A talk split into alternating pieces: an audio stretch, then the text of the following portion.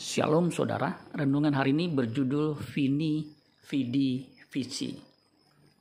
Roma 8 ayat 37. Tetapi dalam semuanya itu kita lebih daripada orang-orang yang menang oleh dia yang telah mengasihi kita. Kita pernah mendengar moto di dalam dunia olahraga dari bahasa latin Vini Vidi Vici.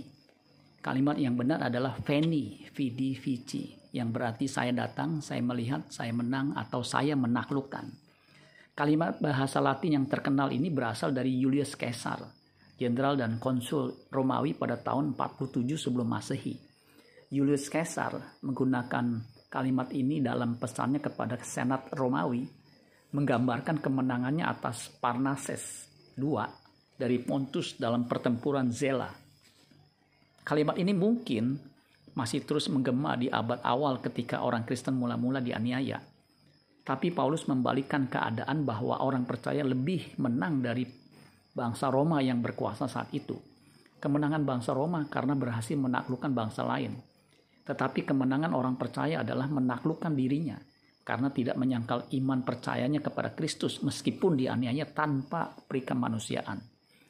Jadi jika kita melihat konteks situasi ayat itu ditulis, kita akan mengerti maksud orisinil ayat ini pada saat itu orang yang disebut Kristen artinya orang yang percaya Tuhan Yesus yang mau hidup seperti Kristus akan mengalami aniaya atau ancaman dari kaisar Romawi seperti Nero dan kaisar sebelum dan sesudah dia sangat menentang orang yang mengaku percaya Tuhan Yesus. Mereka akan dianiaya dengan kejam, diadu dengan binatang buas. Jadi taruhannya sangat berat. Meskipun demikian mereka tetap percaya Itulah sebabnya Rasul Paulus menyebut jemaat Roma sebagai umat pemenang, bahkan lebih dari pemenang.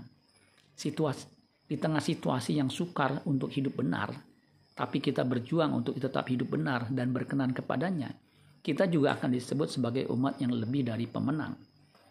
Zaman now tidak ada kaisar Nero yang kejam yang harus dihadapi orang percaya, tetapi ada kekuatan yang besar melawan orang percaya, yaitu kodrat dosa yang ada di dalam dirinya hanya mereka yang berhasil melawan kodrat dosa dan menaklukkannya, lalu mengenakan kodrat ilahi, yang akan disebut umat yang lebih dari pemenang.